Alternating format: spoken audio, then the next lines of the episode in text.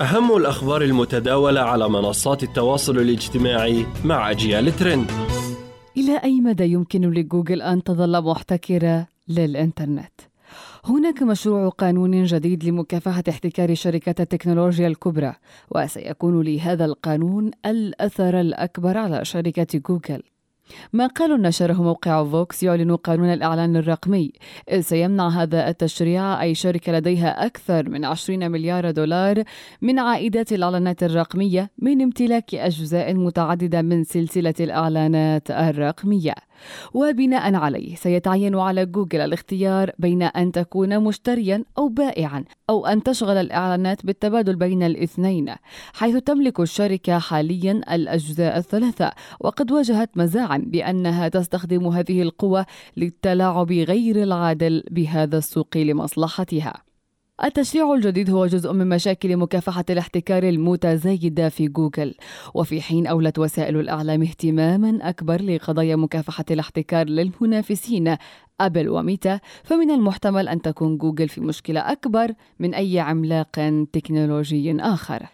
التشريعات ستتحول لقوانين بنهاية الصيف المقبل وستمنع جوجل من منح منتجاتها الخاصة الأفضلية على المنصات التي تمتلكها وتديرها. فسيجبر قانون أسواق التطبيقات المفتوحة متجر تطبيقات جوجل بلاي على اتباع قواعد معينة.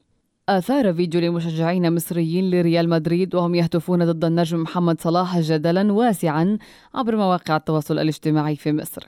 وكانت المباراة النهائية لدوري أبطال أوروبا والتي جمعت ليفربول الإنجليزي وريال مدريد الإسباني قد انتهت بفوز الأخير بلقبه الرابع عشر. وعقب نهاية المباراة وأثناء احتفال جماهير ريال مدريد في مصر بفوز فريقهم قام بعض المشجعين بإطلاق هتافات ضد صلاح تضمنت هذه الهتافات عبارات مسيئة بحق النجم المصري.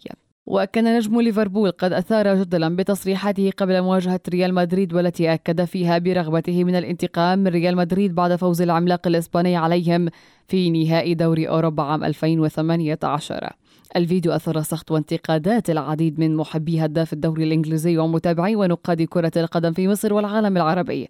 وطرح تساؤلات عن الوطنية والولاء أثناء مشاهدة مباريات كرة القدم العالمي. الهتافات ضد صلاح في مصر دفعت حسين ياسين المراسل الرياضي اللبناني الناشط على مواقع التواصل الاجتماعي إلى وصف الأمر بالخيالي والمخجل لأقصى الحدود وأكد المغاردون أن إهانة الخصم هو بالعادة أمر غير مقبول فكيف سيكون الأمر إذا الخصم ابن بلدك؟ وتساءل آخرون في ذات الوقت منذ متى يعد تشجيع ابن البلد في مسابقة رياضية واجبا وطنيا إلى هنا نصل إياكم مستمعي ومستمعات أجيال إلى ختام أجيال ترند لهذه اللحظة. دمتم بخير تحياتي لكم حنان محبوبة وإلى اللقاء.